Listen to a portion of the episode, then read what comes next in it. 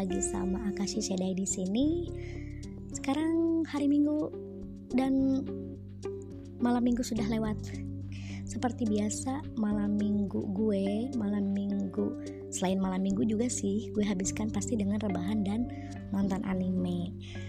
Kalau kalian gimana? Bagaimana malam Minggu kalian? Apakah rebahan juga kayak gue? Nonton anime juga kayak gue? Apakah chatting dengan gebetan? Atau video call sama pacar atau nangis di pojokan karena kalian jomblo. Kasihan deh. Terima saja ya itu udah takdir. Nah kemarin kita sempet kan ngomongin soal hiatus ex hiatus alias hunter ex hunter yang dengan kemandegannya bikin para fansnya itu bete. Karena tidak tahu nih juntrungannya kayak gimana terusan ceritanya. Bener-bener ya bikin fansnya gregetan. Nah sekarang sih gue pengen ngomongin salah satu topik yang biasanya sering banget gue omongin gue diskusiin sama teman-teman gue sama teman-teman otakku dan teman-teman wibu ya pastinya. Nah topiknya itu biasanya gue ngomongin tentang tokoh antagonis favorit di anime. Nah seperti yang kita tahu kan yang namanya uh, villain atau tokoh antagonis di anime itu kan pastinya nggak cuma satu pasti ada banyak. Tapi di antara tokoh-tokoh antagonis itu pasti ada yang punya something yang jadi bikin kita itu justru ngefans justru kagum sama si tokoh tersebut. Nah yang paling gue suka sih sebenarnya kalau ngebahas tentang tokoh antagonis di anime itu tidak cuman ngebahas tentang kekuatannya doang, tapi juga tentang desain karakternya, tentang ideologinya, tentang ambisinya, falsafah yang dia bawa sehingga dia bisa menjadi tokoh antagonis yang justru punya level yang beda gitu.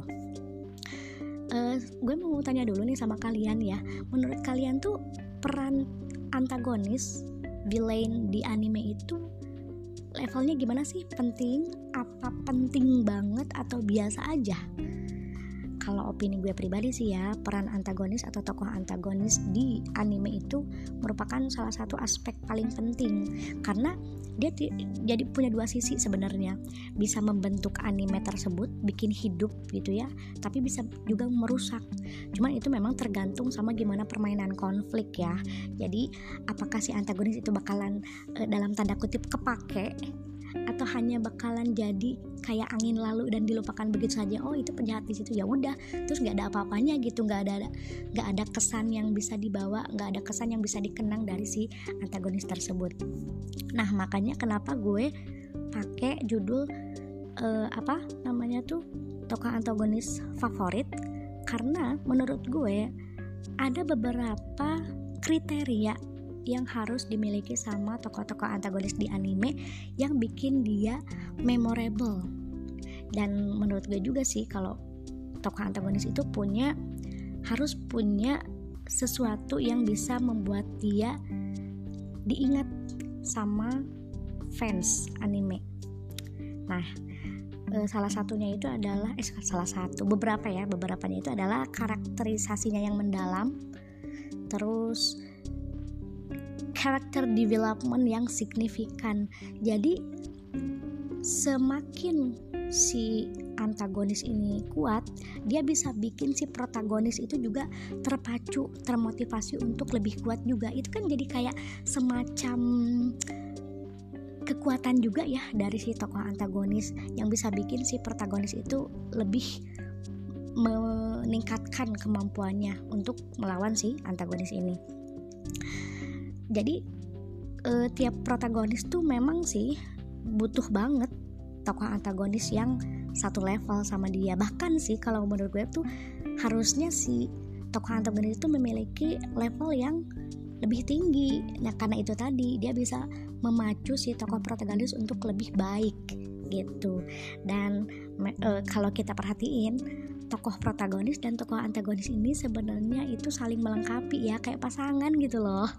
Jadi gue sih merasa kalau setiap tokoh antagonis itu layak dapat porsi yang sama dengan tokoh protagonis nanti ketika si tokoh antagonis punya porsi yang sama, punya porsi yang seimbang, itu bakalan memunculkan rivalitas yang akan diingat sama setiap fans. Jadi nggak cuman berlalu begitu aja, tapi bakalan diingat sampai si animenya tamat. Gitu. Nah, eh, villain atau tokoh antagonis itu yang gue suka mereka itu harus punya pesona yang memikat. Yang tadi kayak gue bilang ya harus punya ideologi ambisi falsafah yang kenapa sih mereka tuh jadi penjahat itu kenapa? Jadi nggak cuman bunuh orang doang nggak cuman manipulatif nggak cuman apa ya oportunis tapi mereka punya sesuatu background yang membuat mereka memutuskan untuk jadi penjahat kayak penjahat juga manusia kali ya. Jadi nggak adil rasanya kalau kita terlalu ngejudge seseorang apalagi villain di anime. Itu hanya dari penampakan dia yang mengerikan. Tapi kita juga harus melihat backgroundnya. Makanya gue menempatkan villain-villain yang akan nanti gue bahas itu di tokoh antagonis yang gue suka. Karena nggak cuman jahat doang tapi mereka tuh jadi jahat itu karena ada sesuatu di masa lalu gitu. Cie masa lalu gitu loh. Nah sekarang gue bakalan bahas satu persatu ya. Sebenarnya banyak yang lumayan gue suka cuman yang paling jadi favorit gue itu kira-kira tuh ada 6 nah kalau uh, gue bisa jelasin sih ya ini dari 1 sampai 6 ini bukan artinya yang gue sebutin pertama itu ada di urutan nomor satu yang paling wow nggak juga sih. Cuman karena gue nggak bisa ngurutin. Soalnya mereka punya keunikan sendiri-sendiri. Jadi nggak bisa ditempatkan si A di nomor satu si B di nomor dua. Enggak sih. Yang penting gue uh, disebutin aja gitu ya.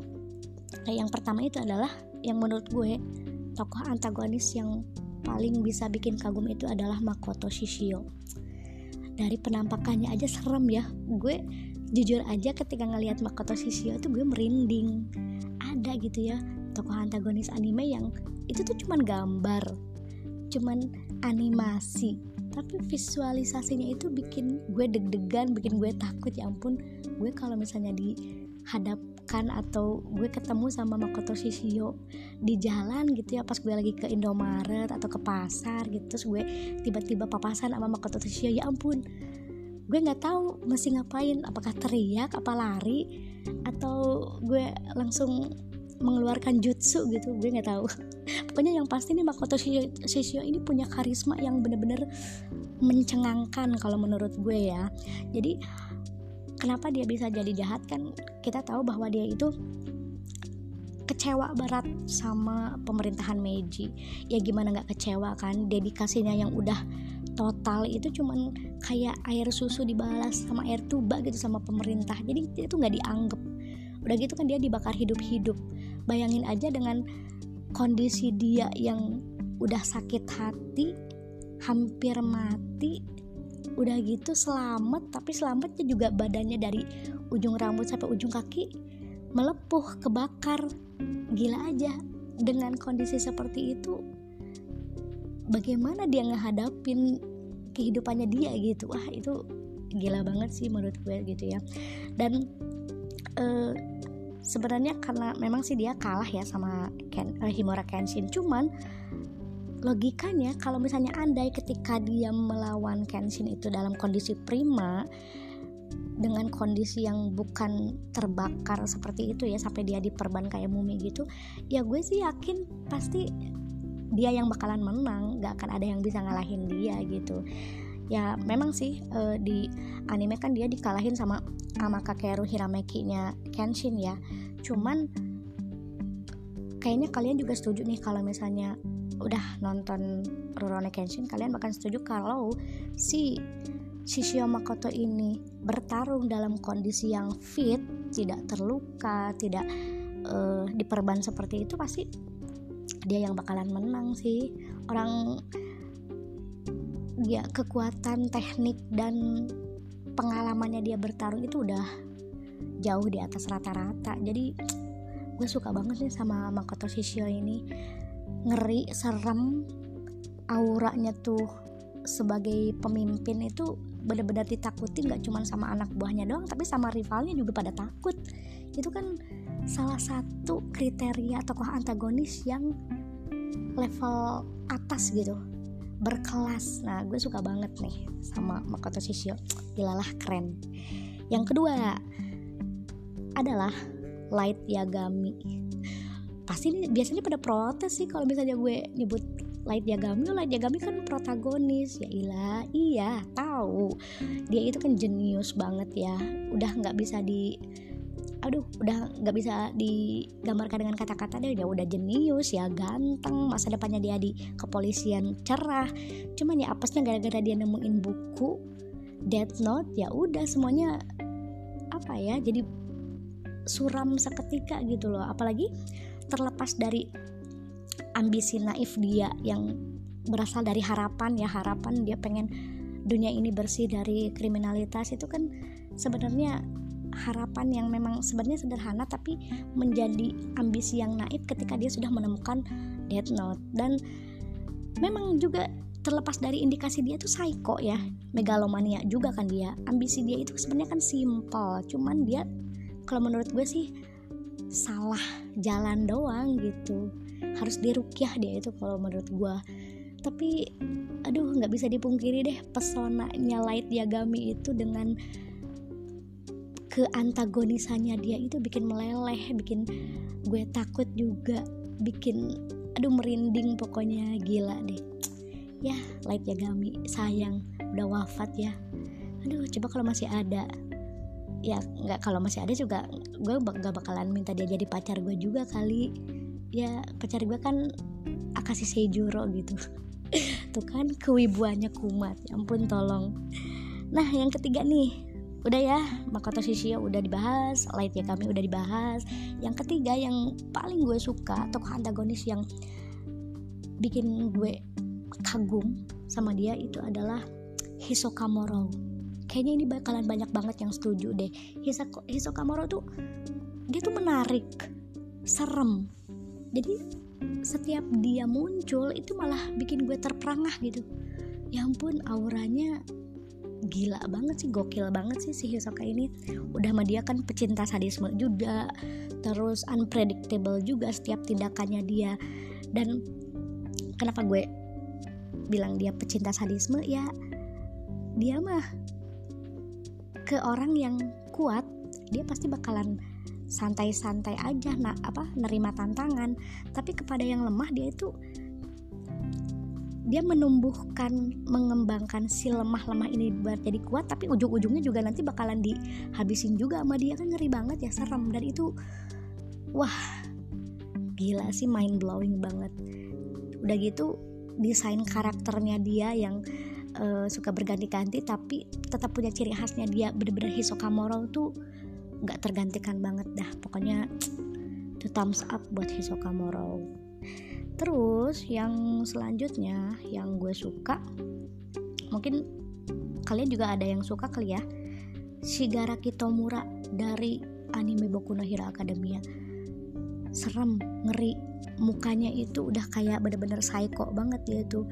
Udah mah dia punya dua queer kan kalau sampai uh, chapter terakhir Boku no Hero Academia sih dikonfirmasi dia itu punya dua quirk ya.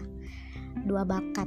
Jadi all for one sama decay jadi memang sih dia itu karena awalnya hilang ingatan terus diasuh sama all for one jadinya begitu kan. Jadi di di brainwash supaya jadi penjahat. Tapi memang emang dia udah ada tumbuh benih-benih kejahatan di hatinya itu emang udah nggak tanggung-tanggung sih. Jadi memang tujuannya dia menghancurkan sistem masyarakat dengan komunitas hero terus udah gitu ironisnya dia benci sama Stain yang punya ideologi untuk memusnahkan entah itu hero entah itu penjahat gitu karena dia nggak mau ada strata khusus di situ. Itu kan ironis banget sebenarnya ya. Dan yang paling bikin gue bergidik sih tangan potongan tangan yang ada di wajah dan anggota tubuh Shigaraki itu kan ternyata adalah tangan-tangan dari potongan tangan dari anggota keluarganya sendiri. Walaupun memang setelah itu ada dua tangan tambahan kalau nggak salah itu dari korban pertama yang dia bunuh ya. Bayangin aja kali tangan anggota keluarga lu nempel di muka sama badan gila aja. Dan dia walaupun dia Shigara Kitamura pernah kan mengatakan kalau dia itu nyaman sekaligus mual sama di apa badannya sendiri dengan tangan-tangan itu ya. Tapi ya ampun setiap hari 24 jam nempel kayak begitu ya ampun keren. Ya keren tapi serem. Gue nggak bisa nggak habis pikir sama si Shigara Kitamura ini. Itu sih gue suka sama dia. Desain karakternya unik terus ideologi dia unik terus sakit hatinya dia itu juga unik gitu ah nggak kebayang sih kalau jadi Shigara Shigara Kitamura nggak mau ngebayangin juga nggak mau Nah, next yang ke berapa nih? Satu, dua. Tadi udah Makoto Shishio udah, Light kami udah, Hisoka Moro udah, Shigara Kitamura udah. Nah, yang selanjutnya adalah peran antagonis atau tokoh antagonis di anime yang benar-benar bikin gue jatuh hati banget. Ini adalah salah satu tokoh yang selain gue jatuh cinta sama ke antagonisannya dia, gue juga suka banget sama jadi jatuh cinta banget banget sama yang namanya anime. Itu adalah Akashi Seijuro. Kenapa gue bilang dia villain atau tokoh antagonis sebenarnya dia baik gitu ya, tapi memang sih kalau dilihat dari plot cerita dia itu sebenarnya memang antagonis ditambah dia kan punya uh, double personality. Itu dia yang bikin dia jadi antagonis. Dan memang kekuatannya dia itu bisa dibilang kekuatan hayal ya karena dia kan punya emperor eye terus ankle break yang bisa me, kayak kayak emperor eye bisa memerintah apa e, melihat pergerakan lawan sebelum dilakukan. Terus si lawan tunduk takluk sama dia. Itu buat gue sih sebenarnya ngeri ya. Kekuatan seperti itu ngeri. Tapi masalahnya dia tuh ganteng. Udah gitu dia bangsawan kan jenius. Nilai-nilai akademisnya tuh nggak ada yang cacat sempurna semua jago basket jago main sogi jago main biola. Terus terlebih lagi dia rambutnya merah.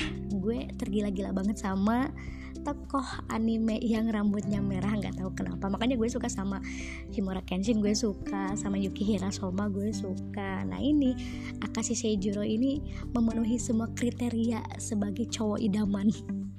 Termasuk jahatnya itu loh double personality-nya itu yang uh, ala-ala sundere. Eh sundere? Yandere sih dia tuh. Yandere apa dendere? Gue lupa ya. Pokoknya tuh ngeri tapi ngeri-ngeri sedap gitu loh. Jadi gue suka banget nih sama Akashi Seijiro dan keantagonisannya yang tidak biasa. Next dan kayaknya terakhir nih gue bakalan menempatkan tokoh antagonis cewek gue jarang-jarang sih punya tokoh antagonis favorit tapi cewek. Biasanya pada cowok-cowok semua gitu kan.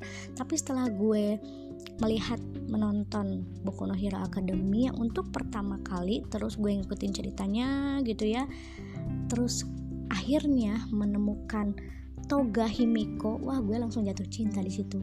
Ya sadis ya apa ya mempesona cantik imut kawaii. Tapi ketika dia sudah serem dengan alat penghisap darah di punggungnya itu gue bener-bener takut sih sama dia. Dan tapi dia unik lucu. Jadi dia menyukai dia bakalan istilahnya mungkin ya uh, dia bakalan tertarik atau mungkin lebih tepatnya engas sama cowok yang babak belur. Wah parah ya. Jadi kalau mau sama dia itu kalau lagi berdua sama dia dipecut di sayat dipukulin dulu baru dia bakalan memeluk lu mengecup lu gitu ya. Tapi lu harus babak belur dulu. Wah parah sih emang Edan nih cewek yang satu ini.